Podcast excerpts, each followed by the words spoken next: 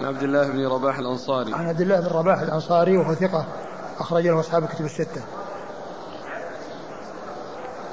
مسلم وأصحاب السنن. مسلم؟ وأصحاب السنن. أخرج له مسلم وأصحاب السنن. عن أبي بن كعب. عن أبي بن كعب الأنصاري رضي الله عنه وهو صحابي جليل أخرج له أصحاب الكتب الستة. وهو الذي جاء في فضله أن النبي عليه الصلاة والسلام قال إن الله أمرني أن أقرأ عليك سورة لم يكن فقرأها عليه. قال وسماني لك؟ قال نعم فبكى أبي رضي الله عنه. يعني قال إن الله أمرني أن أقرأ عليك سورة لم يكن. قال وسماني؟ يعني قال أبي بن كعب.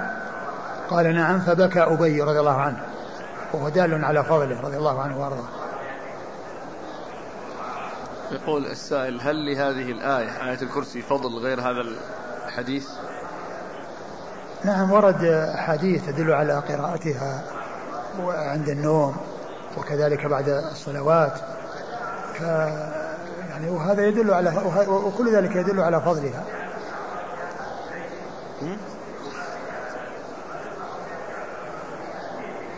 قول أبي رضي الله عنه في الأول الله ورسوله أعلم.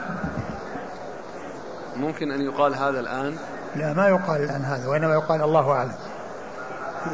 يعني يقال الرسول صلى الله عليه وسلم لأنه عندما يسأل هذا السؤال آه الذي آه يسأل يقول الله ورسوله أعلم ثم يعطيه الجواب ثم يعطيه الجواب أو يحصل منه الجواب ويقره الرسول صلى الله عليه وسلم كما في هذا الحديث. أما بعد ذلك فإنه عندما يسأل الإنسان أي سؤال يسأل إياه يقول الله أعلم. يكل العلم إلى عالمه سبحانه وتعالى. في الحديث تفضيل بعض كلام الله على بعض؟ نعم. هذا يدل على تفضيل كلام الله بعضه على بعض. وليس فيه نقص في المفضل عليه. ولكن كله كمال وبعضه أكمل من بعض وبعضه أفضل من بعض. والصفات كذلك. وكذلك الصفات. لهذا سبق أن مر بنا الحديث الذي اللهم إني أعوذ برضاك من سخطك وبمعافاتك من عقوبتك يعني أن فيه تفضيل بعضها على بعض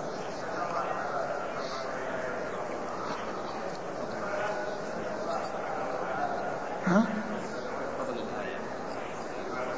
نعم هي نعم هي مشتملة على التوحيد لكن النصوص يعني هي هذا الذي يعني منها هذا الذي في الحديث ومنها الأحاديث التي فيها قراءتها في أحوال معينة يعني يدل على فضلها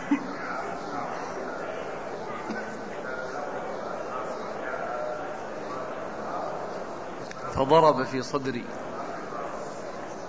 نعم وش فيه؟ تلطف النبي صلى الله عليه وسلم نعم. أو يعني الضرب في الصدر والله يعني كأنه إشارة إلى مكان العلم و يعني كونه يعني في الصدر وفي القلب فضرب عليه وقال ليهنك العلم أبا المنذر. قال رحمه الله تعالى باب في سورة الصمد. قال حدثنا القعنبي عن مالك عن عبد الرحمن بن عبد الله بن عبد الرحمن عن أبيه عن أبي سعيد الخدري رضي الله عنه أن رجلا سمع رجلا يقرأ قل هو الله أحد يرددها. فلما أصبح جاء إلى رسول الله صلى الله عليه وعلى آله وسلم فذكر له وكأن الرجل يتقالها. فقال النبي صلى الله عليه وآله وسلم والذي نفسي بيده إنها لتعدل ثلث القرآن. أعد حديث أن رجلا سمع رجلا يقرأ قل هو الله أحد يرددها. فلما أصبح جاء إلى رسول الله صلى الله عليه وآله وسلم فذكر له وكأن الرجل يتقالها. فقال النبي صلى الله عليه وسلم والذي نفسي بيده إنها لتعدل ثلث القرآن. ثم أورد أبو داود رحمه الله باب ما جاء باب باب في سورة الصمد. باب في سورة الصمد. سورة الصمد وقال لها الصمد لأنها فيها هذا الاسم الذي لم يذكر إلا فيها وهو اسم الصمد. وقيل إنه من الأسماء التي لا لا تطلق إلا على الله عز وجل. كما ذكر ذلك ابن كثير في أول تفسيره بأنه ذكر عدة أسماء لا تطلق إلا على الله. ومنها أسماء تطلق على الله وعلى غيره مثل العزيز والرحيم والرؤوف. فإنها جاء في القرآن إطلاقها على الله وإطلاقها على غير الله كما جاء في حق الرسول صلى الله عليه وسلم بالمؤمنين رؤوف رحيم. وصف بأنه رؤوف وأنه رحيم. أطلق على رسول الله صلى الله عليه وسلم. وذكر يعني جملة من الأسماء لا تطلق إلا على الله. يعني مثل الصمد والرحمن والخالق والبارئ فإن هذه إنما تطلق على الله عز وجل ولا تطلق على غيره. و ويقال لها سورة الإخلاص لأنها مشتملة على توحيد الأسماء والصفات. كما أنه يقال لسورة الإخلاص يقال لقول هو الله أحد وقل يا أيها الكافرون سورة الإخلاص يعني سورة الإخلاص. الاثنتان يقال لهما سورة الإخلاص. وذلك لما اشتملت عليه سورة يا أيها الكافرون من توحيد العبادة وسورة قل هو الله أحد من توحيد الأسماء والصفات. وتوحيد العبادة متضمن لتوحيد الربوبية. متضمن لتوحيد الربوبية. فيطلق عليهما جميعا سورة الإخلاص لأن كل واحدة فيها توحيد لأن هذه توحيد عبادة وهذه توحيد أسماء وصفات. أورد أبو داود رحمه الله في هذا الباب حديث أبي سعيد الخدري. حديث أبي سعيد الخدري رضي الله تعالى عنه أن رجلا سمع رجلا يقرأ سورة قل هو الله أحد يرددها. فجاء ذلك الرجل الذي سمع أن عن الرجل يرددها وأخبر النبي عليه الصلاة والسلام وكأنه يتقالها. يعني يعني يعني هذا الرجل الذي جاء يخبر بأن هذا الرجل يردد قال كأنه يتقالها قال عليه الصلاة والسلام إنها تعدل ثلث القرآن. تعدل ثلث القرآن وهذا يدل على فضلها وعظم شأنها. وقيل في بيان كونها تعدل ثلث القرآن أن القرآن مشتمل على عقيدة على توحيد وعلى قصص وعلى أحكام. وقد اشتملت على القسم الأول على الثلث الأول الذي هو التوحيد. والذي هو العقيدة. لأن قل هو الله أحد الله الصمد لم يلد ولم يولد ولم يكن له كفوا أحد. آه، اشتملت على يعني هذه الأسماء الله اسم الأحد اسم الجلالة الله, الله الذي هو أصل الأسماء ومرجع الأسماء والذي عندما تذكر الأسماء يأتي في صدرتها وكلها تضاف إليه كما جاء في القرآن. كثيرا الله لا إله إلا هو الحي القيوم هو الله الذي لا إله إلا هو عالم الغيب والشهادة هو الله الخالق والبارئ المصور فتذكر يعني يذكر اسم الجلالة قبلها قبل الأسماء. الصمد الذي هو الذي آه، الغني عن كل ما سواه والمفتقر إليه كل من عداه والذي تصمد إليه الخلاق بحوائجها. ثم لم يلد ولم يولد ولم يكن له كفوا أحد. يعني منزه عن الأصول والفروع والنظراء منزه عن الأصول والفروع والنظراء فنزه عن الأصول بقوله لم يولد. عن الفروع بقوله لم يلد. وعن الأصول بأنه لم يولد. وعن النظراء بأنه ليس له له كفوا أحد. يعني لا لا يماثله أحد سبحانه وتعالى. فهي مشتملة على التوحيد ولهذا أطلق عليها ثلث القرآن ولشيخ الإسلام ابن تيمية رحمة الله عليه مؤلف فيها خاص آه، اسمه جواب أهل العلم والإيمان فيما جاء أن في سورة قل هو الله أحد تعدل ثلث القرآن. وهو كتاب مطبوع.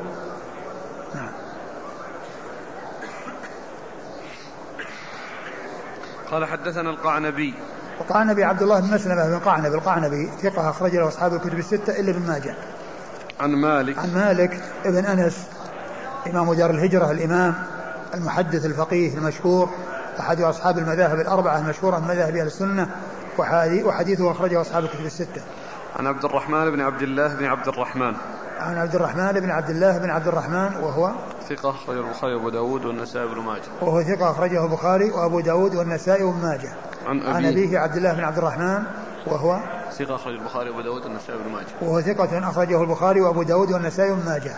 عن أبي سعيد الخدري. عن أبي سعيد سعد بن مالك بن سنان الخدري مشهور بكنيته ونسبته واسمه سعد بن مالك بن سنان وهو أحد السبعة المعروفين في كثرة الحديث عن النبي صلى الله عليه وسلم.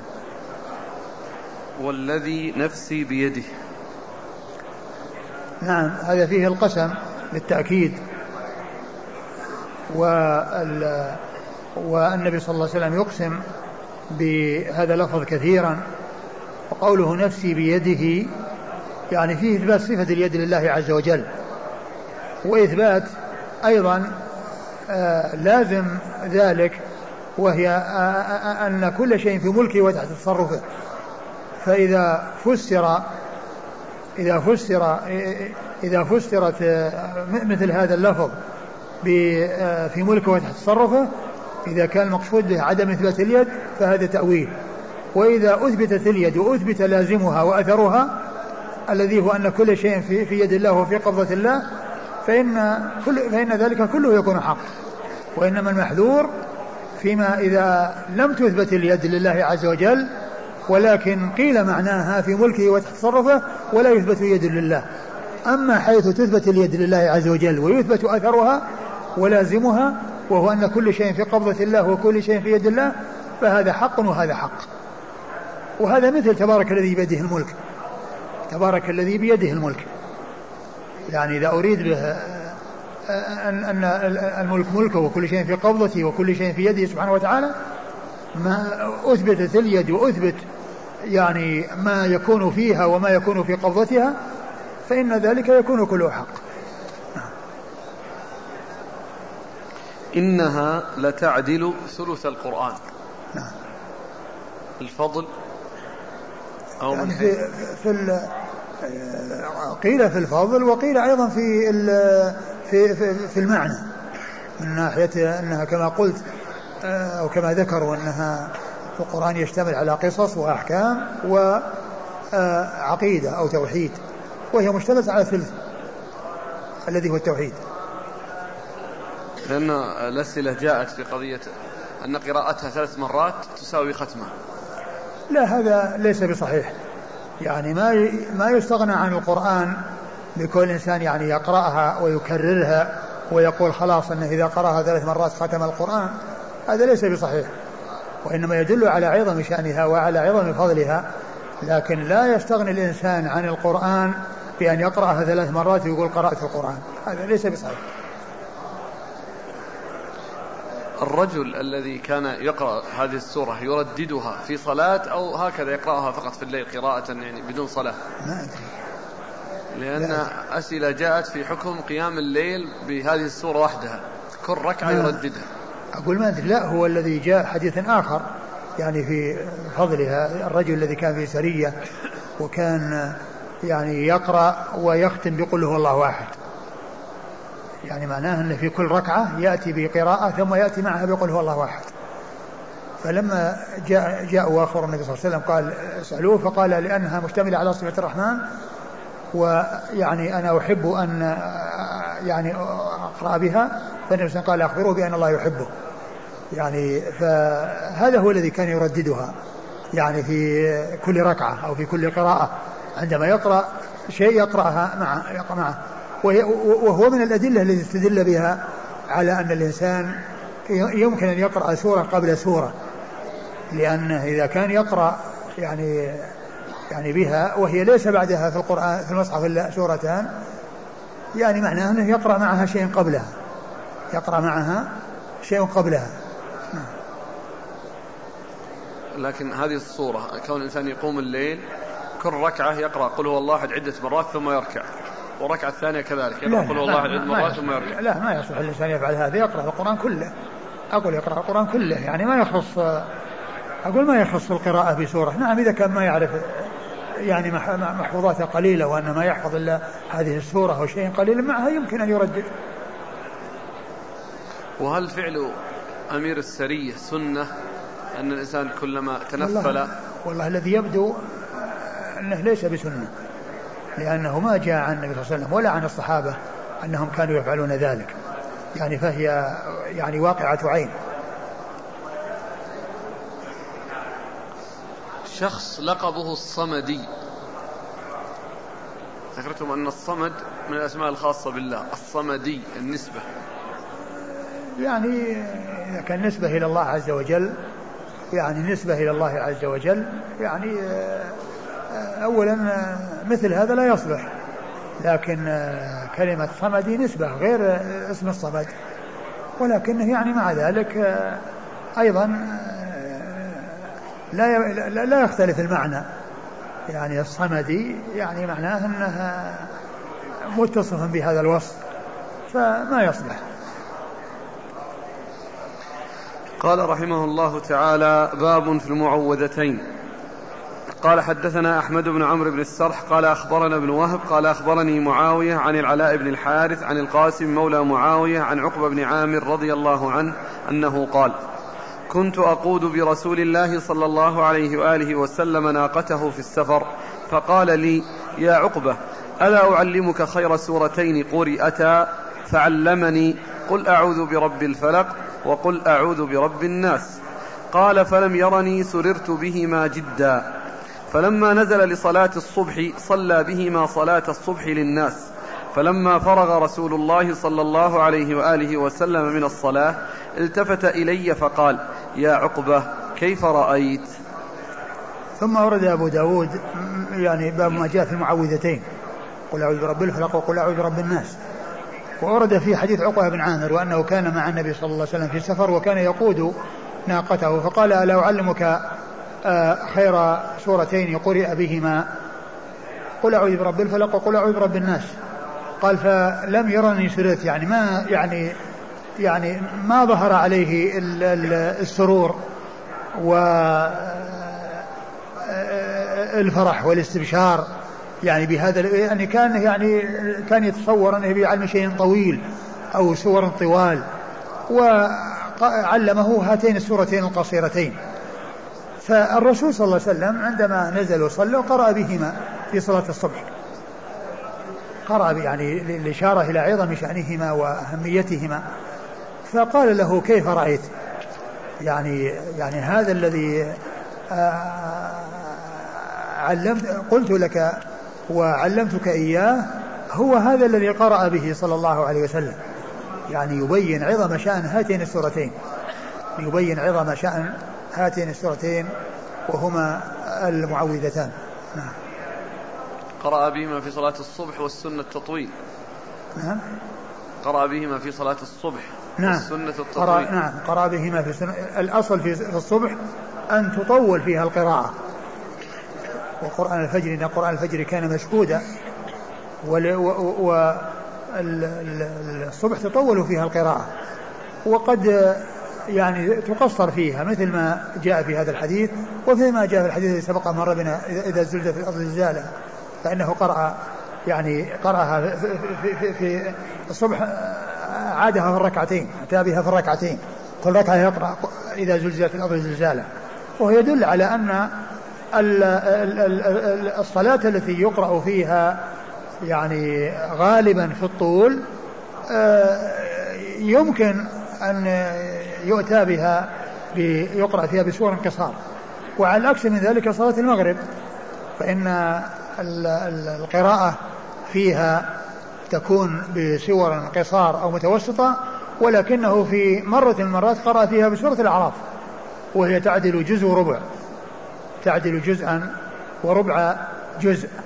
ف يعني هذا يدل على أن السوره التي يقرأ فيها قصار يمكن يقرأ فيها طوال والصلاة التي آه، يقرأ فيها سور طوال يمكن أن يقرأ فيها سور قصار. هل فعله هذا صلى الله عليه وسلم مراعاة لأحوال الناس لأنه كان في سفر يمكن يمكن أن يكون كذلك يعني كونه في سفر ولكن يدل على أن السور القصيرة يمكن أن تقرأ في الصلاة أحيانا أو في بعض الأحيان قال حدثنا أحمد بن عمرو بن السرح. أحمد بن عمرو بن السرح ثقة أخرج حديثه مسلم وأبو داود والنسائي وابن ماجه. عن ابن وهب. عن ابن وهب عبد الله بن وهب المصري ثقة فقيه أخرج له أصحاب الكتب الستة. عن معاوية. عن معاوية بن صالح وهو صدوق له أوهام. صدوق له أوهام أخرج حديثه. البخاري في جزء القراءة ومسلم وأصحاب البخاري في جزء القراءة ومسلم وأصحاب السنن. عن العلاء بن الحارث. عن العلاء بن الحارث وهو ثقة. أخرج له مسلم وأصحاب السنن. أخرج له مسلم وأصحاب السنن. عن القاسم مولى معاوية. عن القاسم مولى معاوية وهو صدوق أخرج حديثه. يغرب كثيرا. صدوق يغرب كثيرا أخرج حديثه. البخاري في الأدب المفرد وأصحاب السنن. البخاري في الأدب المفرد وأصحاب السنن. عن عقبة بن عامر. عن عقبة بن عامر الجهني رضي الله عنه صاحب رسول الله صلى الله عليه وسلم وحديثه أخرجه أصحاب الكتب الستة. أحسن الله عليك. التبويب. باب في المعوذتين. يجوز فتح الواو المعوذتين. والله ما هي المعوذتين يعني يعوذ. بهما. نعم. ما تصير اسم مفعول؟ ما أدري ما, ما, ما أدري. هل يعني هل قيل فيها ذلك؟ لا أدري. قال حدثنا عبد الله بن محمد النفيلي قال حدثنا محمد بن سلمة عن محمد بن إسحاق عن سعيد بن أبي سعيد المقبوري عن أبيه عن عقبة بن عامر رضي الله عنه أنه قال بين أنا أسير مع رسول الله صلى الله عليه وعلى آله وسلم بين الجحفة والأبواء إذا غشيتنا ريح وظلمة شديدة. ها؟ هكذا. إذا؟ ها؟ يقول الشيخ عبد الرزاق عنده في النسخة إذ وكذلك. إذ لا هي إذ. بين أنا أسير مع رسول الله صلى الله عليه وآله وسلم بين الجحفة بين الجحفة والأبواء إذ غشيتنا ريح وظلمة شديدة. فجعل رسول الله صلى الله عليه وعلى آله وسلم يتعوذ بأعوذ برب الفلق وأعوذ برب الناس. ويقول يا عقبة تعوذ بهما فما تعوذ متعوذ بمثلهما. قال وسمعته يأمنا بهما في الصلاة. ثم أورد حديث عقبة بن عامر الجهني رضي الله عنه من طريق أخرى. وفيه يعني ما في الذي قبله من جهة آه، تعليمه إياه. وأمره بأن يتعوذ يعني بهما وأيضا أمه بهما في الصلاة يعني قرأ بهما وهو يصلي وهو مثل الذي قبله إلا أنه هنا يعني ذكر أنها يعني كان هناك ظلمة و وأنه كان يعني يتعوذ آه، بهاتين السورتين أو بما جاء في هاتين السورتين وأمر عقبة بن عامر أن يتعوذ بهما. نعم. قال حدثنا عبد الله بن محمد النفيلي. آه، عبد الله بن محمد النوفيلي ثقة أخرج حديثه البخاري وأصحاب السنة. عن محمد بن سلمة. عن محمد بن سلمة المو... ال- ال- ال- ال- ال- الحراني الحراني وهو ثقة أخرج حديثه آه، البخاري في جزء القراءة ومسلم وأصحاب السنة. عن محمد بن إسحاق. عن محمد بن إسحاق المدني وهو وهو صدوق أخرج حديثه البخاري تعليقا ومسلم وأصحاب السنن عن سعيد بن أبي سعيد عن المقبري سعيد بن أبي سعيد المقب- المقبري وهو ثقة أخرج له أصحاب الكتب الستة. عن أبيه. عن أبيه أبي سعيد وعن أبي عن أبيه أبي سعيد وهو ثقة أيضا أخرج له أصحاب الكتب الستة. عن عقبة بن عامر. عن عقبة بن عامر وقد مر ذكره. الواقعة وحده ها؟ يعني الله أعلم أنها واحدة. ها.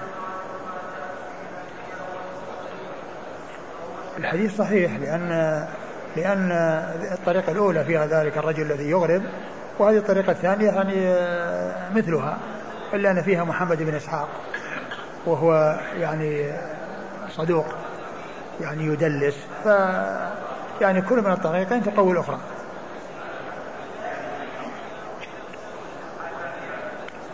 قال رحمه الله تعالى باب استحباب الترتيل في القراءة. قال حدثنا مسدد قال حدثنا يحيى عن سفيان قال حدثني عاصم بن بهدلة عن زر عن عبد الله بن عمرو رضي الله عنهما أنه قال قال رسول الله صلى الله عليه وآله وسلم يقال لصاحب القرآن اقرأ وارتقي ورتل كما كنت ترتل في الدنيا فإن منزلك عند آخر آية تقرأها ثم ورد أبو داود رحمه الله باب في استحباب نعم. ترتيل القرآن باب في استحباب ترتيل القرآن. هذه الترجمة فيها آه أن ترتيل القرآن وأنه مستحب. والقول باستحبابه ذكر الحافظ بن حجر في فتح الباري أنه لا خلاف بين أهل العلم في أن في آه في في جواز قراءة القرآن يعني آه، بدون ترتيل ولكنه مع الترتيل أفضل. وصنيع أبي داود هذا يدل على أن ترتيل القرآن أنه مستحب حيث بوب بالاستحباب ولا بو ولم يبوب بالوجوب ولم يبوب بالوجوب فأورد آه، حديث حديث عبد الله بن عمرو. حديث عبد الله بن عمرو بن العاص رضي الله تعالى عنهما. أن النبي صلى الله عليه وسلم قال يقال لصاحب القرآن اقرأ وارتقي. قال أنه يقال لصاحب القرآن اقرأ يعني في الآخرة اقرأ وارتقي. ورتل كما كنت ترتل. ورتل كما كنت ترتل. الدنيا وهذا محل الشاهد ورتل كما كنت ترتل في الدنيا. فإن منزلتك عند آخر آية تقرأها. فإن منزلتك عند آخر آية تقرأها. فإن منزلتك عند آية عند آخر آية تقرأها. يعني وهذا في الآخرة. ومن المعلوم أن ذلك مثل التسبيح والشيء الذي يلهمه الناس وليس تعبدا مثل ما هو موجود في الدنيا بحيث الإنسان يتعبد وإذا انتقل إلى الآخرة له بالحرف الواحد عشر حسنات. فإن يعني هذا مثل إلهام التسبيح. يلهمون التسبيح كما يلهمون النفس. فيعني هذا من هذا القبيل. اقرأ اقرأ وارتقي ورتل كما كنت ترتل في الدنيا فإن منزلتك عند آخر آية تقرأها. وقد ذكر وقد ذكر الخطابي وغيره أنه جاء في بعض الأحاديث أن درجات الجنة بعدد سور القرآن عدد آيات القرآن. ولكن ما أدري يعني شيئا عن هذه الأحاديث التي أشاروا إليها فنود من بعض الإخوان إذا اطلع على شيء من ذلك أن ينبهنا على يعني هذه الأحاديث التي أشار إليها آه، الخطابي وأشار إليها في عام المعبود لكنهم ما أشاروا إلى من خرجها ولا إلى شيء يتعلق ب يعني آه، درجتها ومنزلتها ولا أيضا عن وجودها في أي مؤلف أو خرجها أي مخرج أو أي, أو أي مؤلف فمن وجد شيئا من ذلك فليدلنا عليه. يقال لصاحب القرآن. يعني صاحب القرآن هو الذي يقرأه ويعمل به وليس الذي يقرأه فقط دون أن يعمل به لأن القرآن يكون حجة للإنسان ويكون حجة عليه. ومن لم يعمل بالقرآن فإنه يكون حجة عليه كما قال عليه الصلاة والسلام والقرآن حجة لك أو عليك.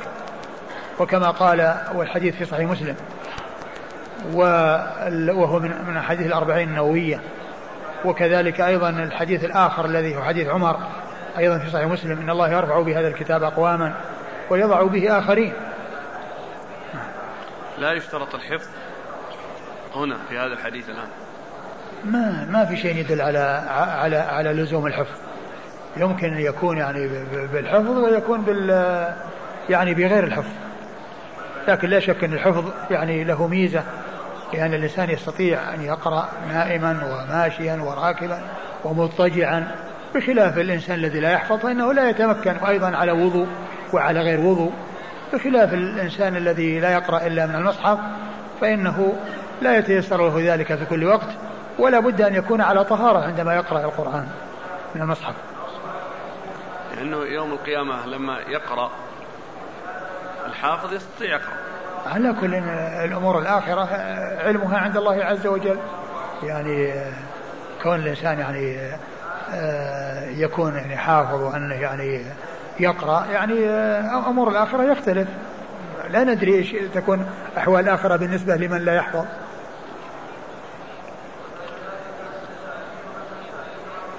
قال حدثنا وهو مكثر من قراءة القرآن. وهو مكثر من قراءة القرآن. الذي لا يحفظ. الذي لا لا يحفظ. أقول أحوال الآخرة ما ندري إيش يكون الحال. يعني يختص بهذا أو بهذا الله أعلم. قال حدثنا مسدد. مسدد بن مسرهد البصري ثقة أخرج حديثه البخاري وأبو داود والترمذي والنسائي. عن يحيى. عن يحيى بن سعيد القطان ثقة أخرج له أصحاب الكتب الستة. عن سفيان. عن سفيان الثوري هو سفيان بن سعيد المسروق الثوري ثقة فقيه أخرج له أصحاب الكتب الستة. عن عاصم بن بهدلة. عن عاصم بن بهدلة وهو ابن نجود وهو أحد القراء وهو صدوق له أوهام أخرج حديثه أصحاب الكتب الستة وحديثه في الصحيحين مقرون. يعني أنهم أن أن صاحبي الصحيح رووا عنه مقرونا ما رووا عنه استقلالا. عن عن زر. عن زر بن حبيش وهو ثقة أخرج له أصحاب كتب الستة. عن عبد الله بن عمرو. عن عبد الله بن عمرو بن العاص رضي الله عنهما الصحابي الجليل وهو أحد العباد له الأربعة من أصحاب رسول الله صلى الله عليه وسلم وحديثه أخرجه أصحاب الكتب الستة. يقول السائل ما معنى؟ فإن منزلك عند آخر آية تقرأها. يعني كأنه المقصود به أن الإنسان الذي يقرأ في الدنيا وأنه يقرأ في الآخرة أنه يعني يقرأ ويرقى آه، فمنزله عند آخر آية يقرأها. و وكما قلت يعني بعض العلماء قال إنه جاء في بعض الأحاديث ان إن درجات الجنة على عدد آيات القرآن وأن كل من قرأ زاد ارتفع منزله وهكذا.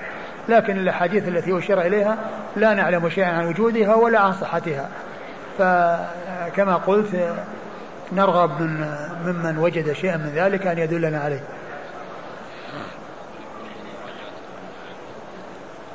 نعم. نعم.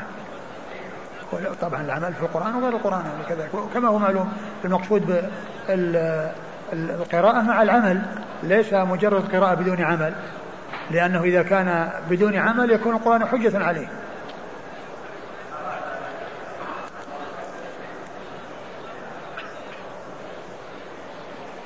قال حدثنا مسلم بن إبراهيم قال حدثنا جرير عن قتادة أنه قال سألت انسا رضي الله عنه عن قراءة النبي صلى الله عليه وعلى آله وسلم فقال كان يمد مدا. ثم أورد أبو داود رحمه الله حديث أنس وقتادة سأله عن قراءة رسول الله صلى الله عليه وسلم فقال كان يمد مدا. يعني أنه يمد آه، الشيء الذي يحتاج إلى مد. يعني يعني يمد يعني يمد الشيء الذي يحتاج إلى مد. يعني معناه أنه مرتلة. نعم قال حدثنا مسلم بن إبراهيم. مسلم بن إبراهيم الفراهيدي ثقة أخرج له أصحاب الكتب الستة. عن جرير. عن جرير بن عبد الحميد مر ذكره؟ عن قتادة. عن قتادة بن دعامة السدوسي البصري ثقة أخرج له أصحاب الكتب الستة. عن أنس بن مالك رضي الله عنه وهو أحد السبعة المعروفين بكثرة الحديث عن النبي صلى الله عليه وسلم وهذا الحديث أو هذا الإسناد من الرباعيات عند أبي داود التي أعلى ما يكون عند أبي داود. مسلم بن إبراهيم عن جرير عن قتادة, عن أنس بن مالك. أربعة أشخاص بين أبي داود وبين رسول الله صلى الله عليه وسلم.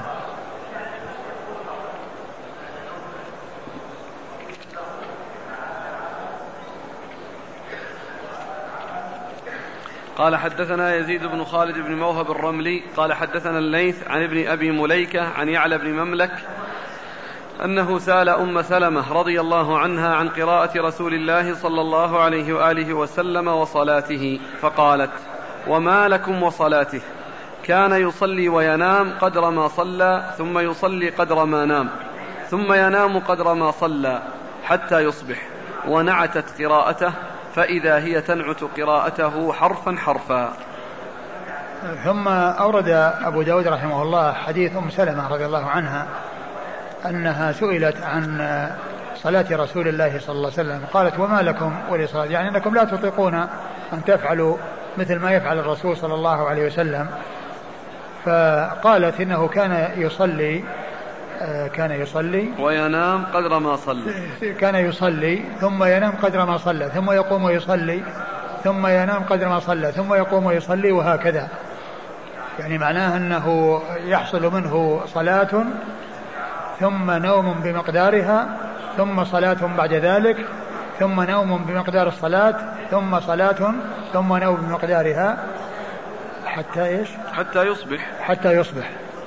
يعني و و وسئلت عن قراءته فقالت كان ونعتت قراءته. ونعتت قراءته. فإذا هي تنعت قراءته حرفا حرفا. فإذا هي تنعت. تنعت قراءته حرفا حرفا يعني أنه كل حرف يعني يخرجه فلا يعني يدخل في حرف في حرف ولا يكون هناك تداخل وإنما هي قراءة مرتلة تظهر فيها جميع الحروف. نعم. والحديث في إسناده آه يعلم المملك. نعم. اسمه يعلى. نعم. يعني وهو مقبول. يعني فهو غير صحيح. ثم أيضا هو مخالف لما جاء في الأحاديث الأخرى من صلاة الليل كان كان يصلي يعني كان يصلي يعني يصلي في أول الليل ويوتر ويصلي في وسط الليل ويوتر ويصلي في آخر الليل ويوتر. وجاء في بعض الحديث أنه ينام نصف الليل ويقوم ثلثه وينام سدسه. وهذه الطريقة التي جاءت في هذا الحديث آه يصلي ثم ينام مقدار ما صلى ثم يصلي ثم ينام مقدار ما صلى ثم يصلي حتى يطلع حتى يطلع الصبح آه يعني فيه أقول فيه ما فيه. وفي هذا الرجل الذي آه، هو يعلم المملكة وهو مقبول.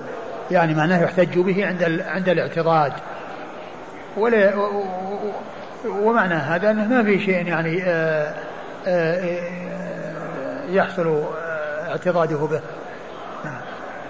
قال حدثنا يزيد بن خالد بن موهب الرملي. يزيد بن خالد بن موهب الرملي هو ثقة أخرجه أبو داود والنسائي بن ماجه. ثقة أخرجه أبو داود والنسائي بن ماجه. عن الليث. عن الليث بن سعد المصري ثقة فقيه أخرجه أصحاب كتب الستة. عن ابن أبي مليكة. عن ابن أبي مليكة عبد الله بن عبيد الله بن أبي مليكة ثقة أخرج له أصحاب الكتب الستة. عن يعلى بن مملك. عن يعلى بن مملك وهو مقبول أخرجه أبو داود. البخاري في المفرد وأبو داود والترمذي والنسائي. البخاري البخاري في المفرد وأبو داود والترمذي والنسائي. عن أم سلمة عن أم سلمة ام المؤمنين هند بنت أبي أمية رضي الله عنها وأرضاها وحديثها أخرجه أصحاب الكتب الستة. انتهى الوقت.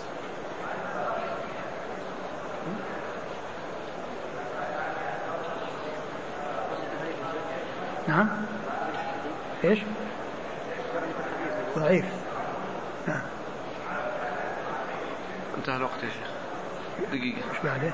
حديث رأيت الرسول صلى الله عليه وسلم يوم فتح مكة وهو على ناقة يقرأ بسورة الفتح وهو يرجع. والله تعالى أعلم وصلى الله وسلم وبارك على عبده ورسوله نبينا محمد وعلى آله وأصحابه أجمعين. جزاكم الله خيرا وبارك الله فيكم ونفعنا الله بما قلتم.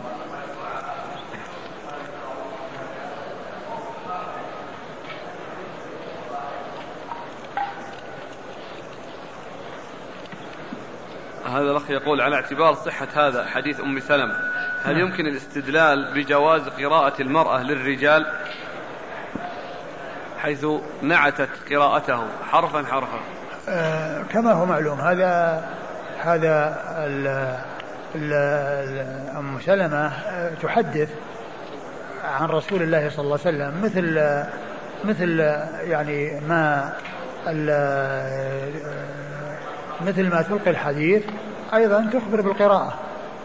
والمرأة يعني يعني كونها تقرأ للرجال لا تقرأ للرجال. وإنما إذا كانوا محارمها تقرأ لهم. وأما غير المحارم فلا تقرأ لهم.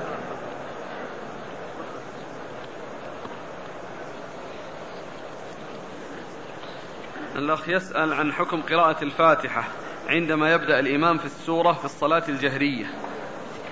يقرأ الإنسان وهو يقرأ الفاتحة وهو والإمام يقرأ السورة. المأموم يقرأ الفاتحة والإمام يقرأ السورة.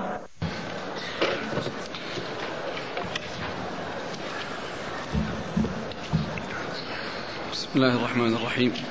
الحمد لله رب العالمين والصلاة والسلام على عبد الله ورسوله نبينا محمد وعلى آله وصحبه أجمعين. أما بعد قال الإمام أبو داود السجستاني رحمه الله تعالى تحت باب استحباب الترتيل في القراءة. قال حدثنا حفص بن عمر قال حدثنا شعبة عن معاوية بن قرة عن عبد الله بن مغفل رضي الله عنه أنه قال رأيت رسول الله صلى الله عليه وآله وسلم يوم فتح مكة وهو على ناقة يقرأ بسورة الفتح وهو يرجع. بسم الله الرحمن الرحيم. الحمد لله رب العالمين وصلى الله وسلم وبارك على عبده ورسوله نبينا محمد وعلى آله وأصحابه أجمعين. أما بعد فقد سبق البدء بهذه الترجمة وهي باب استحباب الترتيل في تلاوة القرآن. وسبق أن مر في أول حديث من هذا الباب حديث يجاء بصاحب يقال لصاحب القرآن اقرأ وارتقي ورتل كما كنت ترتل في الدنيا فمنزلك فمنزلتك عند آخر آية تقرأها. وسبق أن ذكرت أن الخطابي وكذلك صاحب عون المعبود قالوا إنه ورد في الحديث أو في الأثر أن عدد درجات الجنة بعدد آي القرآن. وطلبت أن من يقف على هذا من الأخوة أنه يخبرنا بمظنته وبمكان وجوده فأخبرني أحد الإخوان بأنه رآه في السلسلة الصحيحة عند الشيخ الألباني رحمه الله عند نفس الحديث هذا عندما جاء بهذا الحديث في السلسلة الصحيحة وذكر أنه في الجزء الخامس وفي صفحة 283 ذكر في أثناء كلامه هذا الحديث وذكر أنه عند ابن أبي شيبة وأن إسناده ضعيف يعني الذي فيه أن عدد درجات الجنة بعدد آيات القرآن ذكره تحت الكلام على هذا الحديث الذي معنا الذي هو أول حديث في باب استحباب ترتيل القرآن التلاوة في القرآن استحباب ترتيل التلاوة. فأحد الإخوان جزاه الله خيرا دلنا على على مكان وجوده وأنه في مصنف ابن أبي شيبة وأن الشيخ الألباني ذكره تحت الكلام على هذا الحديث في السلسلة الضعيفة وهذا الحديث الذي هو أن درجات الجنة بعدد آية القرآن هو حديث ضعيف. أورد أبو داود رحمه الله آه، أحاديث بعد ذلك الحديث ومنها هذا الحديث الذي معنا الآن وهو حديث عبد الله بن مغفل رضي الله تعالى عنه أن النبي أنه رأى النبي صلى الله عليه وسلم يوم فتح مكة في سفر وكان راكبا على راحلته وهو يقرأ بسورة الفتح يرجع. وقيل إن المراد بالترجيع هو الترتيل وتحسين الصوت بالتلاوة وهذا هو الذي يطابق الترجمة. وقيل أن معناه أنه يردد ويكرر في القراءة. نعم. والإسناد قال حدثنا حفص بن عمر. حفص بن عمر ثقة أخرج حديثه البخاري وأبو داود والنسائي. عن شعبة. عن شعبة بن الحجاج الواسطي ثم البصري ثقة أخرج له أصحاب الكتب الستة. عن معاوية بن قرة. عن معاوية بن قرة وهو ثقة أخرج له أصحاب الكتب. نعم. أخرج له أصحاب الكتب الستة. عن عبد الله بن مغفل. عن عبد الله بن مغفل رضي الله عنه وهو صحابي أخرج حديثه أصحاب الكتب الستة. وهذا من الرباعيات عند أبي داود. وهي أعلى الأسانيد عند أبي داود رحمه الله. بين أبي داود وبين رسول الله عليه الصلاة والسلام في هذا الإسناد أربعة أشخاص هم حفص بن عمر وشعبة ومعاوية بن قرة وعبد الله بن مغفل رضي الله تعالى عنه.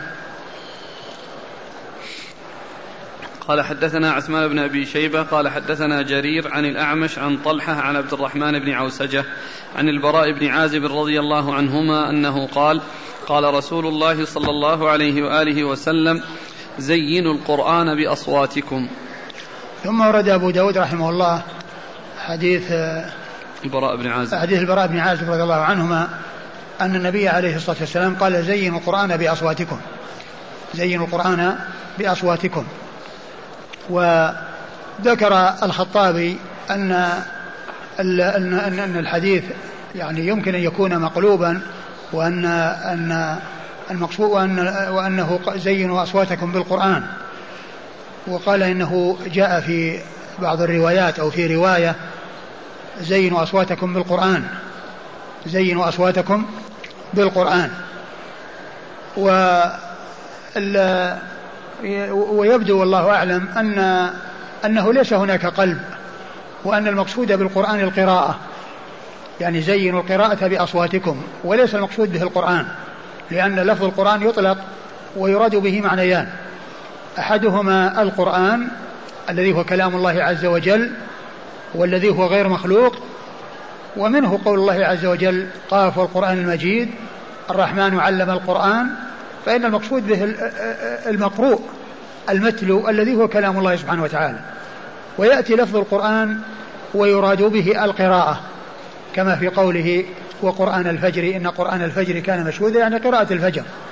وكذلك قوله في سورة القيامة لا تحرك به لسانك لتعجل به إن علينا جمعه قرآنا فإذا قرأناه فاتبع قرآنه يعني اتبع قراءته.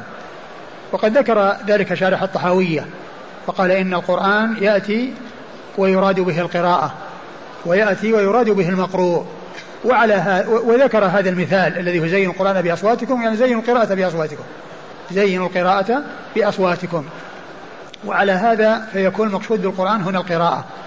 بمعنى القراءة التي هي فعل العبد والتي هي مخلوقة. لأن ال ال لفظ يعني اللفظ بالقرآن يعني آه، فيه ملفوظ ولفظ وفيه قراءة ومقروء والتلاوة متلو. فالتلاوة والقراءة التلاوة القراءة هي فعل العبد وهي مخلوقة. وأما القرآن الذي هو كلام الله عز وجل الذي هو المتلو المقروء المسموع المكتوب في المصاحف فهو كلام الله عز وجل غير مخلوق. وعلى هذا فإن الحديث هنا زينوا القرآن بأصواتكم يعني زينوا القراءة بأصواتكم. يعني من حسنوا القراءة بأصواتكم. يعني آه، آه، أمر بالتحسين والتزيين الذي هو فعل العبد. والذي هو فعل العبد. والحديث يدل على آه، ما ترجم له المصنف وهو ترتيل القراءة. لأن يعني الترتيل وهو من التحسين أو هو من التزيين لأن التزيين يعني هو يكون بذلك ويكون كذلك. زينوا القراءة القرآن بأصواتكم. نعم. قال حدثنا عثمان بن أبي شيبة. عثمان بن أبي شيبة ثقة أخرج له أصحاب الكتب الستة إلى الترمذي. عن جرير. عن جرير بن عبد الحميد الضبي الكوفي ثقة أخرج له أصحاب الكتب الستة. عن الأعمش.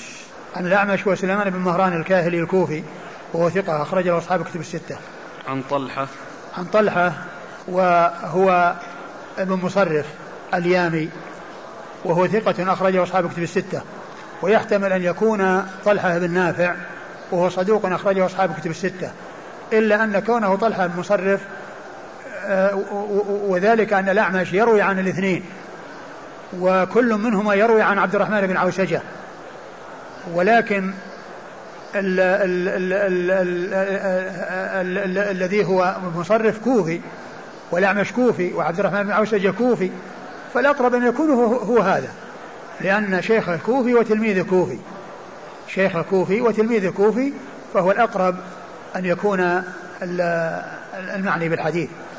وكل من الاثنين روى له أصحاب الكتب الستة وكل منهما روى يعني طلحة بن وطلحة بن نافع روى عنه الأعمش وكل منهما روى عن عبد الرحمن بن عوسجة الذي جاء في الإسناد ولكن كونه يحمل على أنه اليامي الذي هو طلحة مصرف الكوفي أولى. لأنه بلدي الاثنين. بلدي تلميذه وبلدي شيخه فهو الأقرب.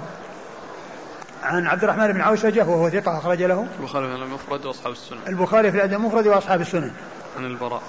عن البراء بن عازب رضي الله عنهما صاحب رسول الله صلى الله عليه وسلم وحديثه أخرجه أصحاب كتب الستة.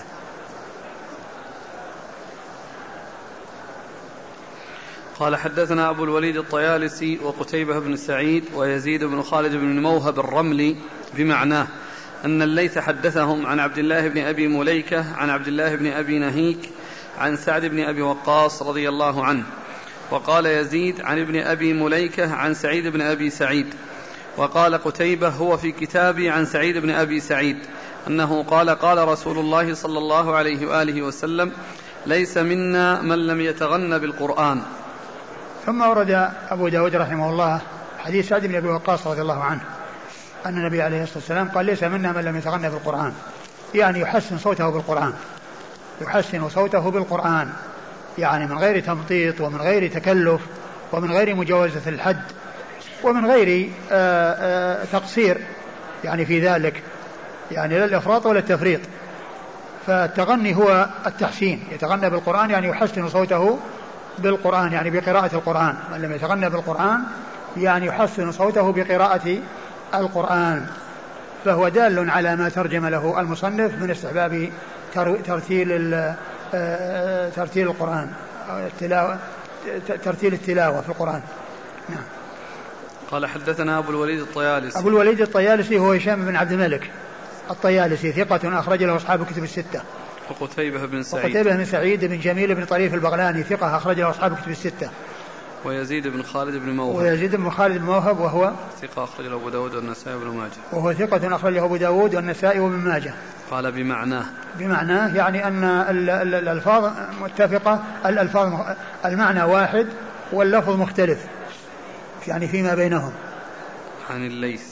عن الليث بن سعد المصري وهو ثقة فقيه أخرج له أصحاب كتب الستة. عبد الله بن أبي مليكة. عن عبد الله بن أبي مليكة وهو عبد الله بن عبيد الله وهو ثقة أخرج له أصحاب الكتب الستة. عن عبد الله بن أبي نهيك. عن عبد الله بن أبي نهيك وهو وثقه النسائي أخرج له أبو داود. وهو وقد وثقه النسائي أخرج له أبو داود. عن سعد بن أبي وقاص. عن سعد بن أبي وقاص رضي الله عنه صاحب رسول الله عليه الصلاة والسلام وأحد العشرة المبشرين بالجنة رضي الله عنه وأرضاه وحديثه أخرجه أصحاب كتب الستة. وقال يزيد عن ابن أبي مليكة عن سعيد بن أبي سعيد. وقال يزيد يعني بن موهب الذي هو الشيخ الثالث عن آه عن ابن أبي مليكة. عن ابن أبي مليكة عن سعيد بن أبي سعيد. يعني بدل آه من هو اللي في الإسناد الأول؟ عبد الله بن نهيك. بدل عبد الله بن نهيك. نعم. من المراد؟ يبدو أنه المقبري سعيد بن أبي سعيد المقبري.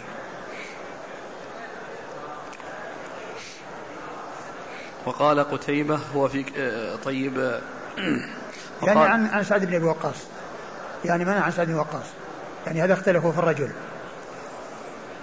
وقال قت... وقال قتيبة. وقال قتيبة هو في كتابي عن سعيد بن أبي سعيد. قال قال رسول الله صلى الله عليه وسلم. وقال هو في كتابي عن سعيد بن أبي سعيد يعني أنه ليس بينه يعني ليس من طريق سعد ولكنه آه، رفعه إلى رسول الله عليه الصلاة والسلام فهو مرسل فيكون من قبيل المرسل.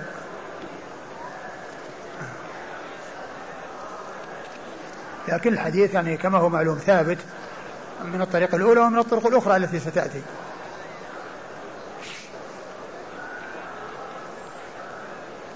قال حدثنا عثمان بن أبي شيبة قال حدثنا سفيان بن عيينة عن عمرو عن ابن أبي مليكة عن عن عبيد الله بن أبي نهيك عن سعد رضي الله عنه أنه قال قال رسول الله صلى الله عليه وآله وسلم مثله. ثم ورد الحديث من طريق أخرى عن سعد بن أبي وقاص وهو مثل اللفظ المتقدم قال يعني. مثل المتن. نعم. قال حدثنا عثمان بن أبي شيبة. أيوه عن؟ عن سفيان بن عيينة. سفيان بن عيينة المكي ثقة أخرج له أصحاب كتب الستة. عن عمرو. عن عمرو بن مرة الهمداني ثقة أخرج له أصحاب كتب الستة. عمرو ولا عمرو بن دينار. هذا اللي يظهر ها؟ من يعني من هو؟ عن عن سفيان بن عيينة عن عمرو بن مر عن عمرو بن دينار لا هو عمرو بن دينار كان يقول مكي نعم لأن سفيان بن عيينة مكي وهذا مكي عمرو بن دينار وهو ثقة أخرجه أصحاب كتب الستة. عن ابن أبي مليكة عن عبيد الله بن أبي نهيك عن سعد. وقد مر ذكرهم. عبد الله عبيد الله. عن عبيد الله؟ أي. هو هو. لا بس هو اسمه هو قال عبيد الله؟ نعم. لا. أي. يعني يذكر مصغرا ومكبرا؟ نعم. قال حدثنا عبد الأعلى بن حماد قال حدثنا عبد الجبار بن الورد قال سمعت ابن أبي مليكة يقول قال عبيد الله بن أبي يزيد مر بنا أبو لبابة فاتبعناه حتى دخل بيته فدخلنا عليه فإذا رجل رث, رث البيت رث الهيئة فسمعته يقول سمعت رسول الله صلى الله عليه وآله وسلم يقول ليس منا من لم يتغن بالقرآن. قال فقلت لابن أبي مليكة يا أبا محمد أرأيت إذا لم يكن حسن الصوت؟ قال يحسنه ما استطاع. ثم ورد أبو داود حديث أبي لبابة الأنصاري رضي الله عنه أن النبي صلى الله عليه وسلم قال ليس منا من لم يتغنى بالقرآن. وقد آه، جاء في الإسناد عبد الله بن أبي يزيد الذي روى عنه.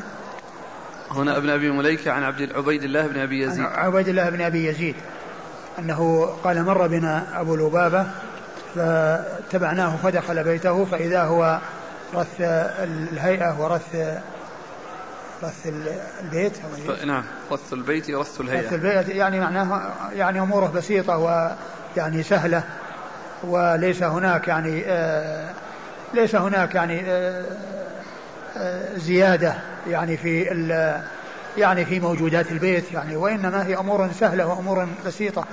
يعني رث الهيئة رث البيت. فقال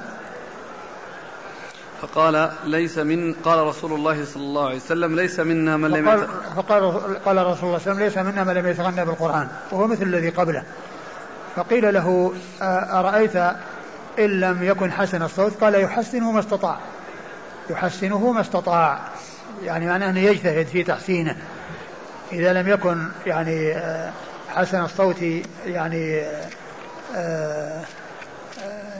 في الأصل وجبلة فإنه يحسنه ما استطاع. قال هنا عبيد الله بن أبي يزيد مر بنا أبو لبابة هو الصحابي. نعم. فاتبعناه حتى دخل بيته. نعم. فدخلنا عليه. نعم. فإذا رجل رث البيت. يعني هو. يعني فإذا هو يعني, نعم يعني تقدير هو, هو. رجل. يعني هو نعم.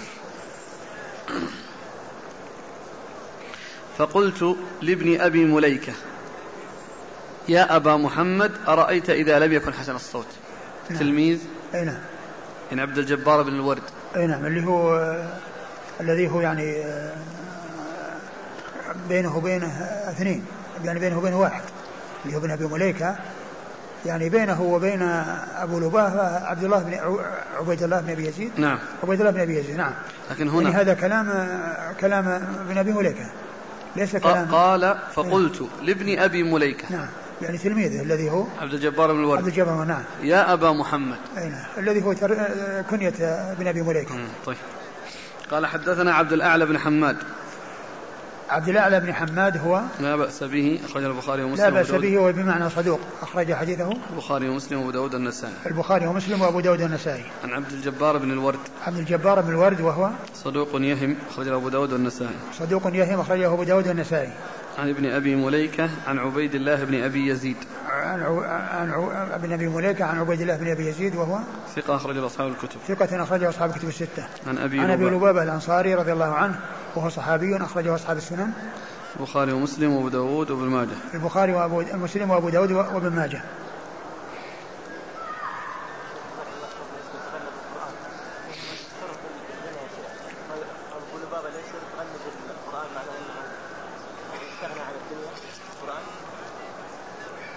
لا.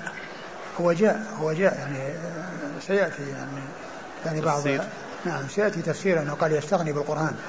ولكن هذا ليس ليس هذا يعني لا شك إن القرآن يستغنى به وبالسنة عن غيرهما لأنهما هما الأساس وهما المصدر كل خير.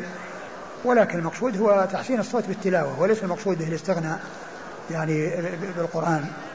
نعم. سيأتي تفسير عن ابن عيينة وآخر. نعم. يقول السائل ما معنى ليس منا؟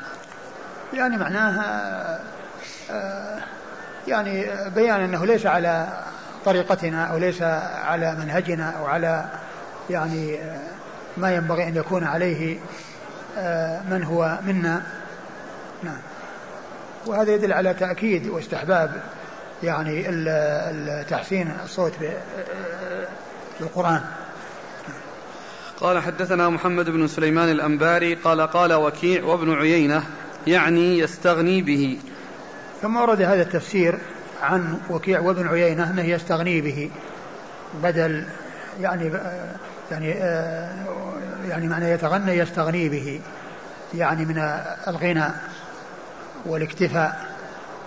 ولكن المقصود هو مثل ما أورده أبو داود تحت ترجمة ترتيل القرآن. المقصود به تحسين الصوت بالقرآن. تحسين الصوت بالقرآن. وكما يعني جاء الكلام السابق عن ابن أبي مليكة لما قيل أرأيت إن لم يكن حسن الصوت قال يحسن صوت صوته ما استطاع. قال حدثنا محمد بن سليمان الأنباري. محمد بن سليمان الأنباري ثقة أخرجه أبو داود. صدوق. صدوق أخرجه أبو داود. عن وكي عن وكيع وابن عيينة. وكيع بن الجراح الرؤاسي الكوفي ثقة أخرج له أصحاب كتب الستة. وابن عيينة هو سفيان الذي مر قريبا. قال حدثنا سليمان بن داود المهدي. وهذا يقال له مقطوع لأن الإسناد الذي ينتهي إلى من دون الصحابي يقال له مقطوع والذي ينتهي إلى الصحابي قال له موقوف. والذي ينتهي إلى رسول الله صلى الله عليه وسلم يقال له مرفوع. فهذا يقال له مقطوع.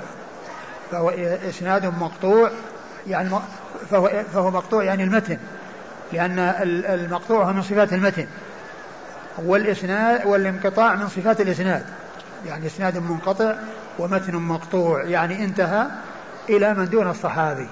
هذا هو الفرق بين المقطوع والمنقطع في علم المصطلح. لأنهما نوعان من أنواع علوم الحديث المنقطع والمقطوع.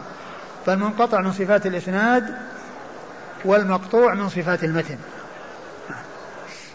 قال حدثنا سليمان بن داود المهري قال أخبرنا ابن وهب. قال حدثني عمر بن مالك وحيوة عن ابن الهاد عن محمد بن إبراهيم بن الحارث عن أبي سلمة بن عبد الرحمن عن أبي هريرة رضي الله عنه أن رسول الله صلى الله عليه وآله وسلم قال ما أذن الله لشيء ما أذن لنبي حسن الصوت يتغنى بالقرآن يجهر به. ثم أورد أبو داود حديث أبي هريرة. أبي هريرة رضي الله عنه أن النبي صلى الله عليه وسلم قال ما أذن الله ما أذن الله لشيء؟ ما أذن لنبي حسن الصوت. ما أذن؟ نعم. ما أذن الله؟ ما أذن الله لشيء ما أذن. ما أذن الله لشيء ما أذن ما أذن لنبي حسن الصوت بالقرآن يجهر به. يعني بالقرآن يعني بالقراءة يعني حسن الصوت بالقراءة لأن القرآن الذي هو المنزل على نبينا محمد صلى الله عليه وسلم الذي يتلوه هو نبينا عليه الصلاة والسلام. وأما الأنبياء فإنهم يتلون كتبهم كما جاء في أبي موسى أنه أعطي مزمارا من مزامير آل داود يعني في حسن صوته وحسن قراءته. فالمراد به هنا بالقراءة يعني وليس بالقرآن الذي هو المنزل على نبينا محمد عليه الصلاة والسلام لأن القرآن المنزل على نبينا محمد عليه الصلاة والسلام. ما يقرأه من الأنبياء إلا هو صلى الله عليه وسلم لأنه لم ينزل على أحد قبله. ولكن الأنبياء السابقون نزلت عليهم الكتب وهم يقرؤونها والمقصود بذلك يعني آه، آه، يعني آه، حسن صوته بالقراءة يعني بقراءة كتابه الذي أنزل عليه. فالقرآن هنا يراد بها القراءة.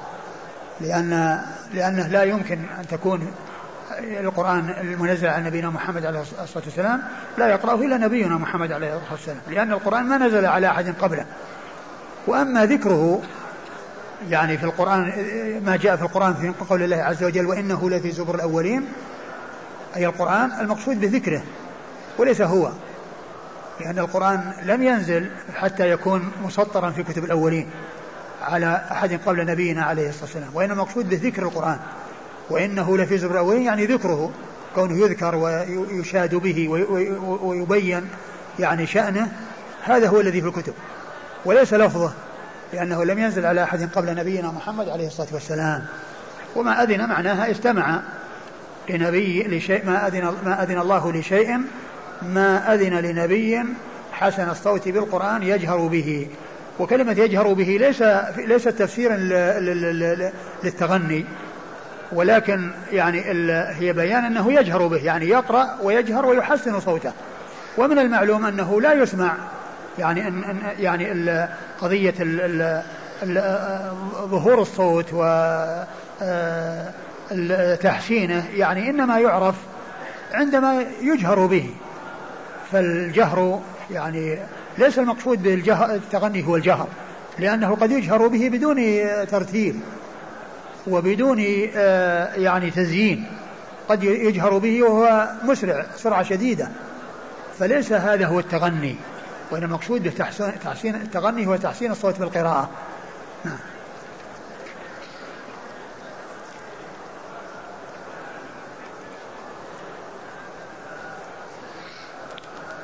والإسناد؟ قال حدثنا سليمان بن داود المهري. سليمان بن داود المهري المصري ثقة أخرجه أبو داود والنسائي. نعم. أبو داود والنسائي. عن ابن وهب. عن ابن وهب عبد الله بن وهب المصري ثقة فقيه أخرج له أصحاب كتب الستة. عن عمر بن مالك.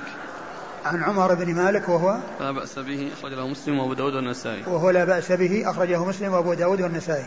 وحيوة. وحيوة بن شريح المصري ثقة أخرجه أصحاب كتب الستة. عن ابن الهاد.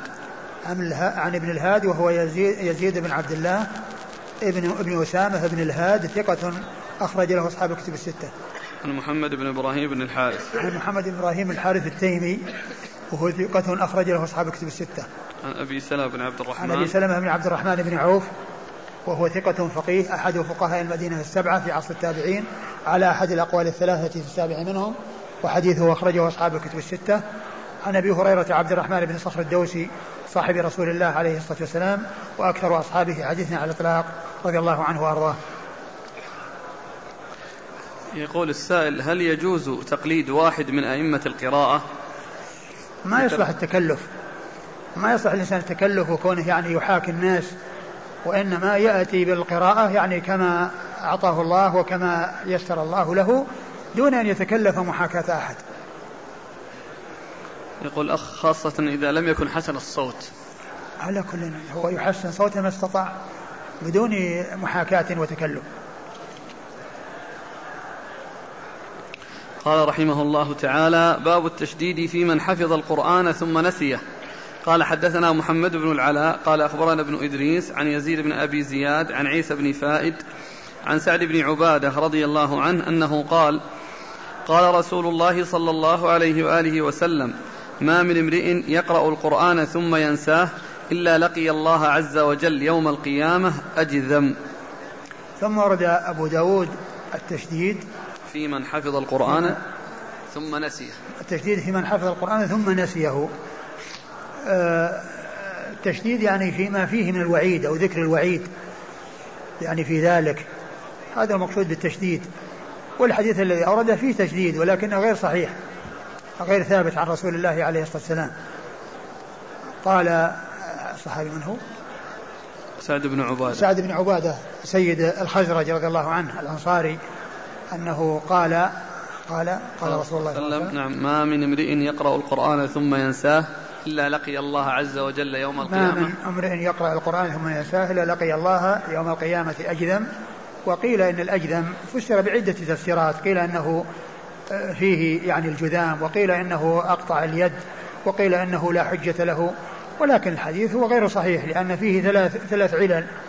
أولا يزيد بن أبي زياد. نعم. يزيد بن أبي زياد هذا ضعيف وشيخه عيسى بن فائد هذا مجهول.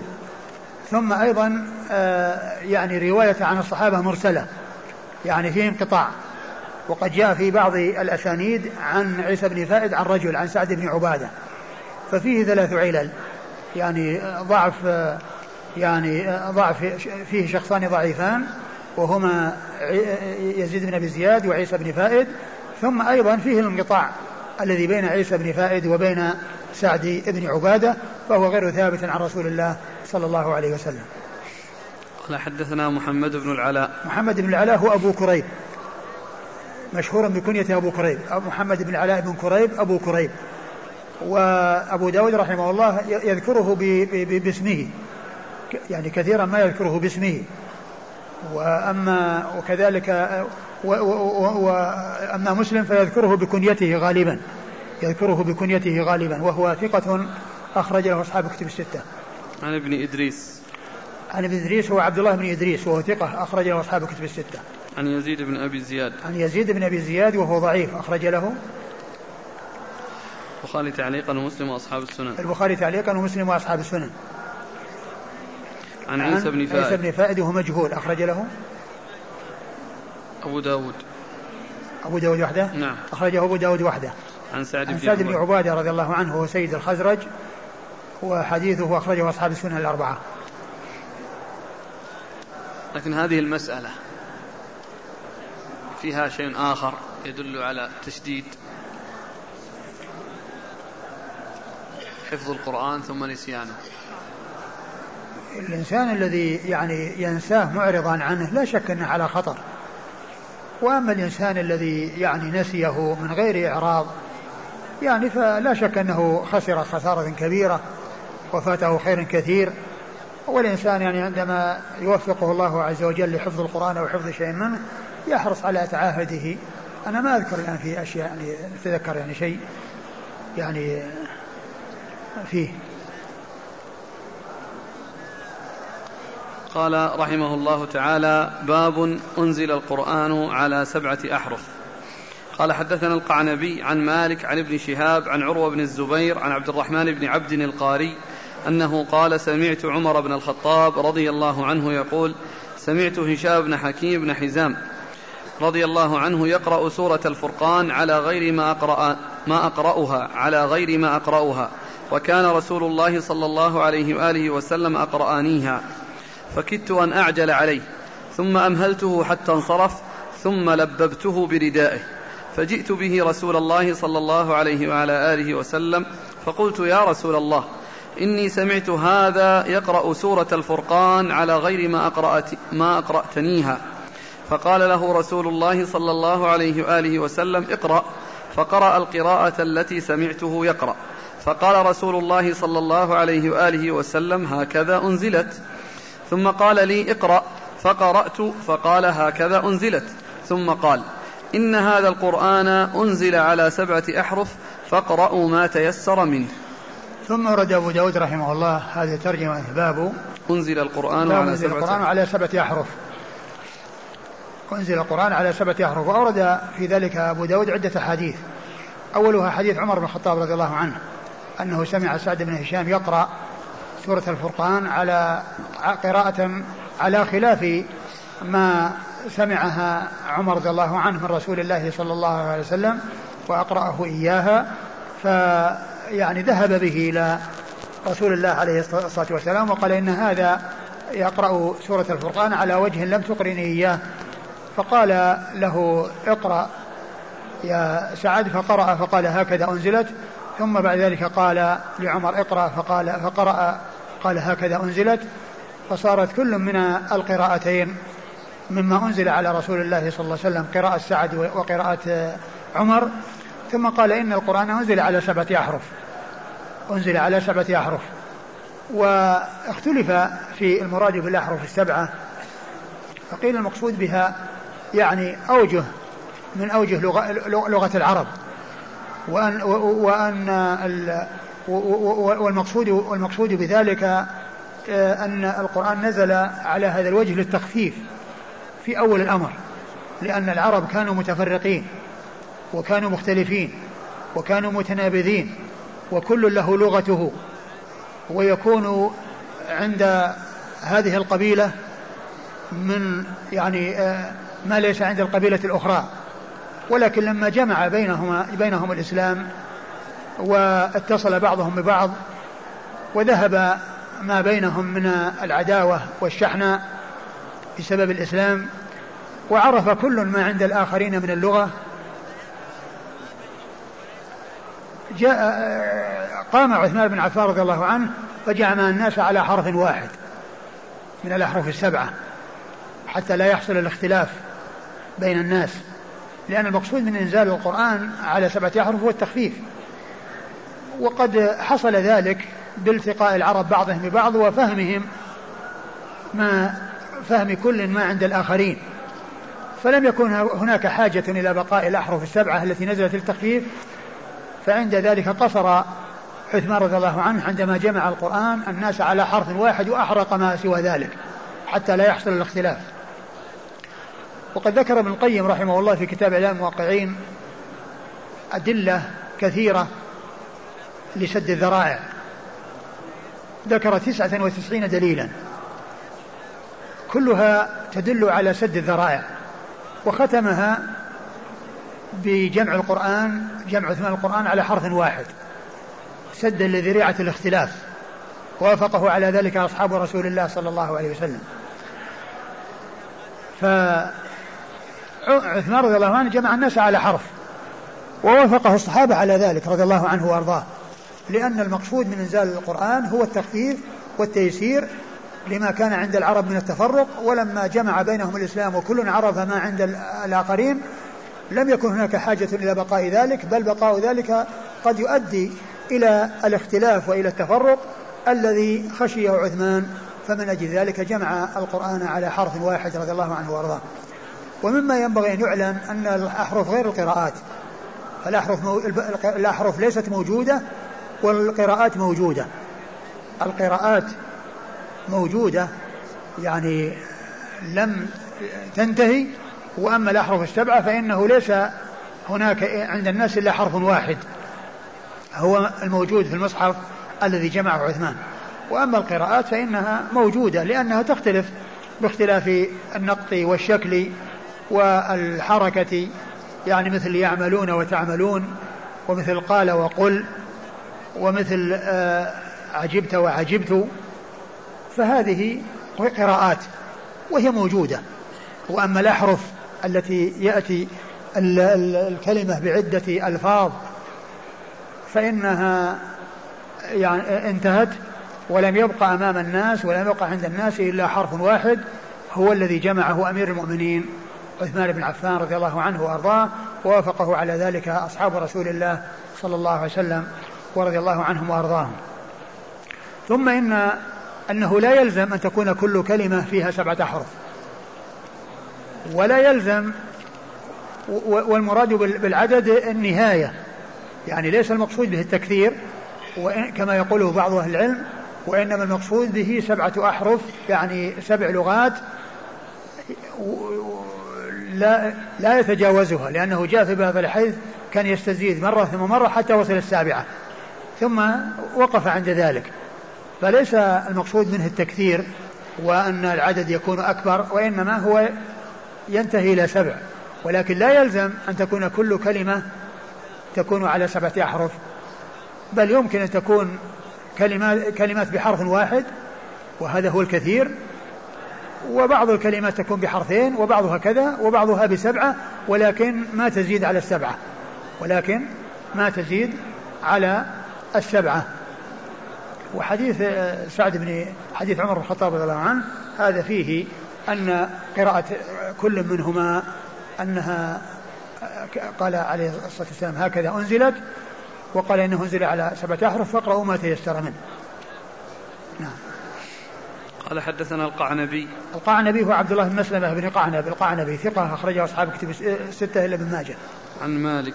عن مالك بن أنس إمام دار الهجرة الإمام المشهور أحد أصحاب المذاهب الأربعة المشهورة من مذاهب أهل السنة وحديثه أخرجه أصحاب كتب الستة. عن ابن شهاب. عن ابن شهاب وهو عبد الله وهو محمد بن مسلم بن عبيد الله بن شهاب الزهري ثقة فقيه أخرجه أصحاب كتب الستة. عن عروة بن الزبير. عن عروة بن الزبير بن العوام وهو ثقة فقيه أحد فقهاء المدينة السبعة في عصر التابعين. أخرج له أصحاب كتب الستة. عن عبد الرحمن بن عبد القاري. عن عبد الرحمن بن عبد القاري وهو يقال له رؤية وذكره العجلي في ثقات التابعين. أخرج له قيل, قيل هو له رؤية وقيل هو من ثقات التابعين. أخرج له أصحاب الكتب. أخرجه أصحاب كتب الستة. عن عمر بن الخطاب. عن عمر بن الخطاب رضي الله عنه أمير المؤمنين وثاني الخلفاء الراشدين الهادين المهديين صاحب المناقب الجمة والفضائل الكثيرة رضي الله عنه وأرضاه وحديثه عند أصحاب كتب الستة. قال عمر رضي الله عنه فكدت أن أعجل عليه ثم أمهلته حتى انصرف ثم لببته بردائه. يعني يقاطعه يعني أراد أنه يعني يعني أراد أن يقاطعه ولكنه تركه حتى انتهى. فلببته بردائه يعني أخذ بردائه وذهب به إلى رسول الله عليه الصلاة والسلام وهذا يدلنا على عناية الصحابة في القرآن واهتمامهم به والمحافظة عليه وأنه لما سمع شيئا يخالف ما كان عليه ظن أن هذا يعني شيء عمل عمل عمل عمله وهو غير صحيح فعمل معه هذا العمل حيث ذهب به إلى رسول الله عليه الصلاة والسلام وعند ذلك قال لسعد اقرأ فقال هكذا أنزلت. ثم قال لعمر اقرأ قال هكذا أنزلت. ثم قال إن القرآن أنزل على سبعة, سبعة أحرف فاقرأوا ما تيسر منه. كأنه كان في صلاة هشام بن حكيم ثم أمهلته حتى انصرف. ما أدري هل هو انصراف من القراءة هو في صلاة أو في قراءة فقط. يعني تركه حتى انتهى من القراءة.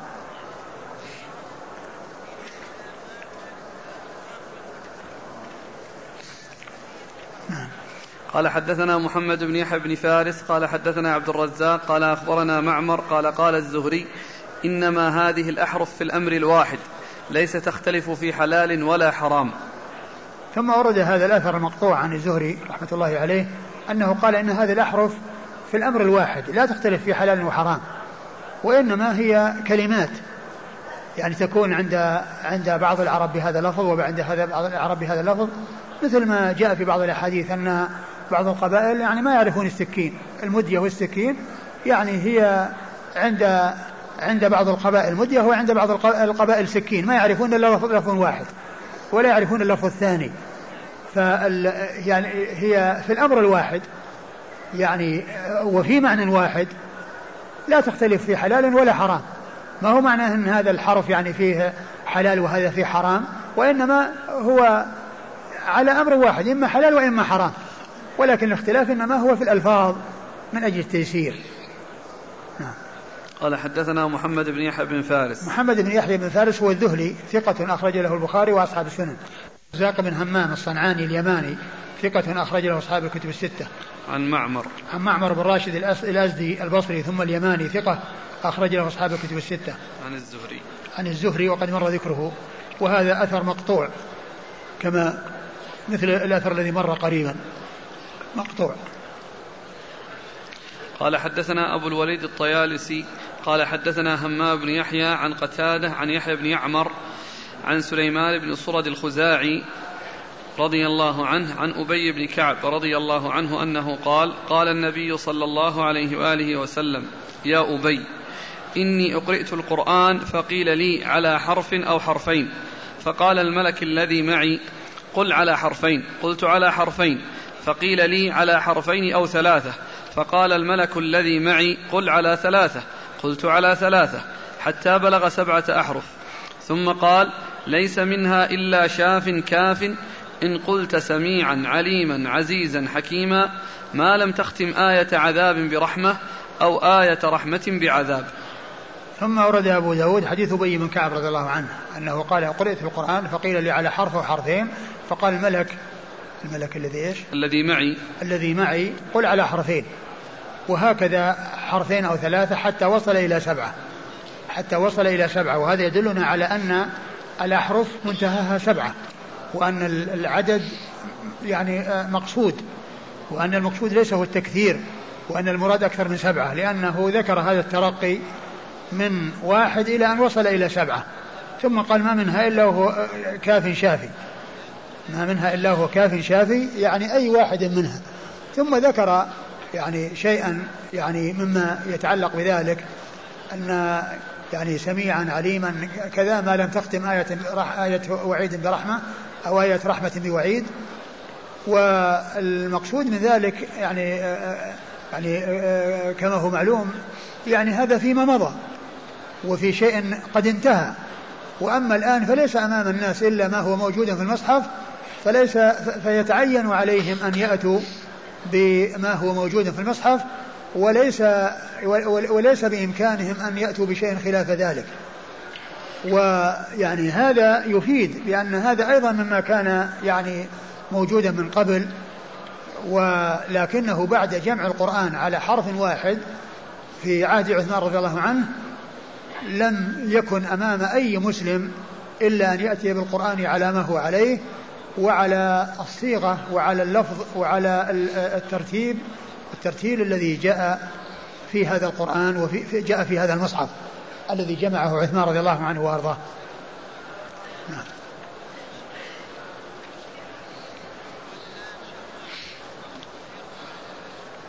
الاسناد قال حدثنا أبو الوليد الطيالسي. مر ذكره. عن همام بن يحيى. حماد. نعم. عن همام بن يحيى العوذي وهو ثقة أخرجه أصحاب كتب الستة. عن قتادة.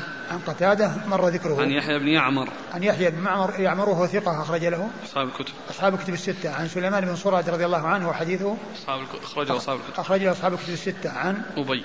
عن أبي بن كعب رضي الله عنه وهو صحابي مشهور أخرجه أصحاب الكتب الستة.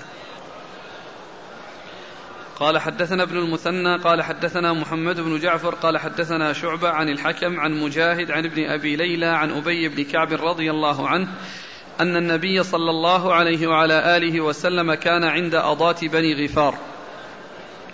فأتاه جبريل صلى الله عليه وسلم فقال إن الله عز وجل يأمرك, يأمرك أن تقرئ أمتك على حرف. قال أسأل الله معافاته ومغفرته. إن أمتي لا تطيق ذلك. ثم أتاه ثانية فذكر نحو هذا حتى بلغ سبعة أحرف.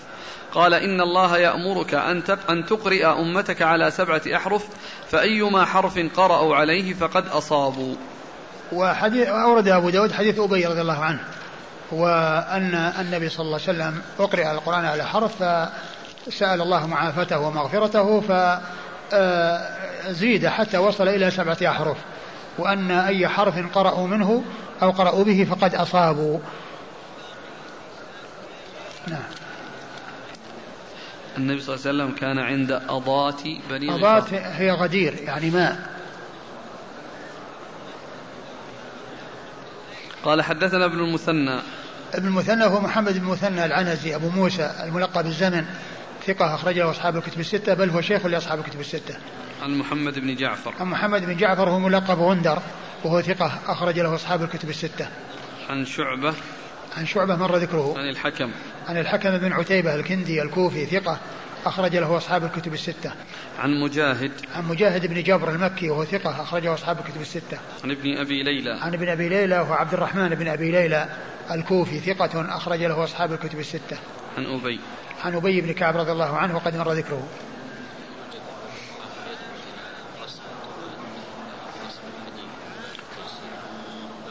لا يجوز أن يكتب القرآن بحروف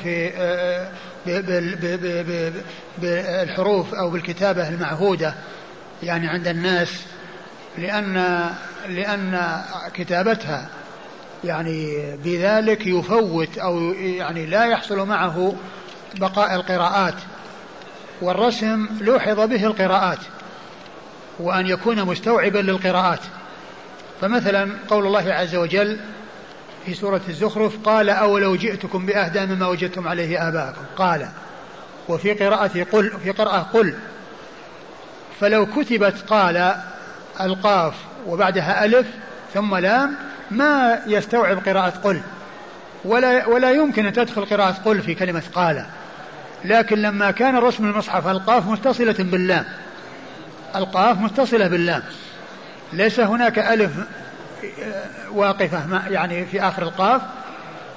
فعند قراءة قال تكون القاف مفتوحة وألف صغيرة فوق فوق القاف.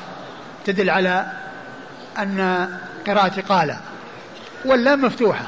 وعلى قراءة قل القاف مضمومة واللام ساكنة. فالرسم استوعب القراءتين.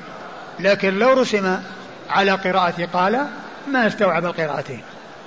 وكذلك الآية التي في آخر سورة سورة المؤمن بسورة المؤمنون. قال رب احكم بالحق ورب الرحمن المستعان. قل رب احكم بالحق. فإن قال يعني قال يعني الرسم القاف متصلة بالله. وأما الكلمة التي ليس فيها فإن تكون الألف موجودة مثل قال فرعون وما رب العالمين. تجد الألف موجودة مع القاف. يعني لما كان ما فيها احتمال قراءة ثانية ولا في مجال لقراءة ثانية جاءت الألف منفصلة عن اللام. وليست القاف متصلة باللام. فإذا الشيء الذي فيه قراءات يعني تكون يكون الرسم يستوعب القراءات.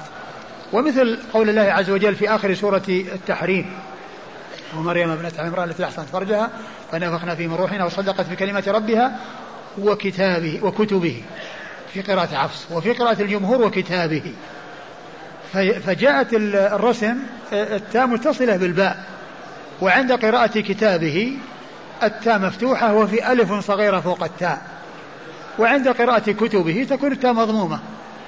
ولو كتبت على كتابه الألف متصلة بالباء ثم الباء متصلة بالتاء ثم الباء تأتي بعد ذلك مع الهاء ما تستوعب قراءة كتبه. فإذا رسم المصحف يعني شيء مطلوب والمحافظة عليه مطلوبة لأن فيه إبقاء على أو استيعاب القراءات. وتحمل القراءات. فلا يجوز أن يعني يعني هذه الدعوة وهذا الشيء الذي يقال أنه لو كتب بحروف الإملاء ثم أيضا كما هو بحروف حتى حروف الإملاء فيها شيء أيضا يكتب على خلاف ما ينطق به. مثل لكن ما حد يكتب لكن الألف مع اللام ثم كن لا وحدها. حتى في حروف حروف الإملاء التي يتعهد الناس اصطلحوا عليها الناس. اللام متصلة بالكاف. ما تكتب لا لام ألف ثم بعدين كاف نون. لكن مع أن فيه فيه في ألف. فإذا حتى الحروف حتى هذا يعني ليس على خلاف النطق. يكتب على خلاف النطق. وإذا فالقراءات أو المصحف أو رسم المصحف يعني له له له يعني خاصيته وله ميزته وذلك أنه يستوعب القراءات. نعم. قال رحمه الله تعالى باب الدعاء. نعم. وأن كان ودهم الأسئلة خمس دقائق. آه والله تعالى أعلم وصلى الله وسلم وبارك على عبده ورسوله نبينا محمد وعلى آله وأصحابه أجمعين. جزاكم الله خيرا وبارك الله فيكم ونفعنا الله بما قلتم. مشوبة أي نعم. وأيضا فيه التلقين نعم. نعم. الحديث الأثر. نعم. اللي ذكر الشيخ الألباني في الجزء الخامس هو موقوف فقط. على عائشة رضي الله عنها وضعيف لأنه فيه معفس ابن عمران. أي هو موقوف؟ أي لكن له له طريق آخر لم يذكره الشيخ. فالأخ جزاه الله خير اتحفنا بهذا التخريج. نعم. يقول ورد الحديث من طريقين عن عائشة رضي الله عنها أحدهما مرفوع والآخر موقوف. نعم. أما المرفوع فرواه البيهقي في شعب الإيمان. الجزء الثاني 347 نعم. قال أخبرنا أبو عبد الله الحافظ قال أخبرنا أبو الحسين محمد بن أحمد الخياط ببغداد من أصل كتابه قال حدثنا أبو عبد الله محمد بن روح قال حدثنا الحكم بن موسى قال حدثنا شعيب بن إسحاق عن هشام بن عروة عن أبيه عن عائشة رضي الله عنها أنها قالت قال رسول الله صلى الله عليه وآله وسلم عدد درج الجنة عدد آي القرآن. فمن دخل الجنة من أهل القرآن فليس فوقه درجة.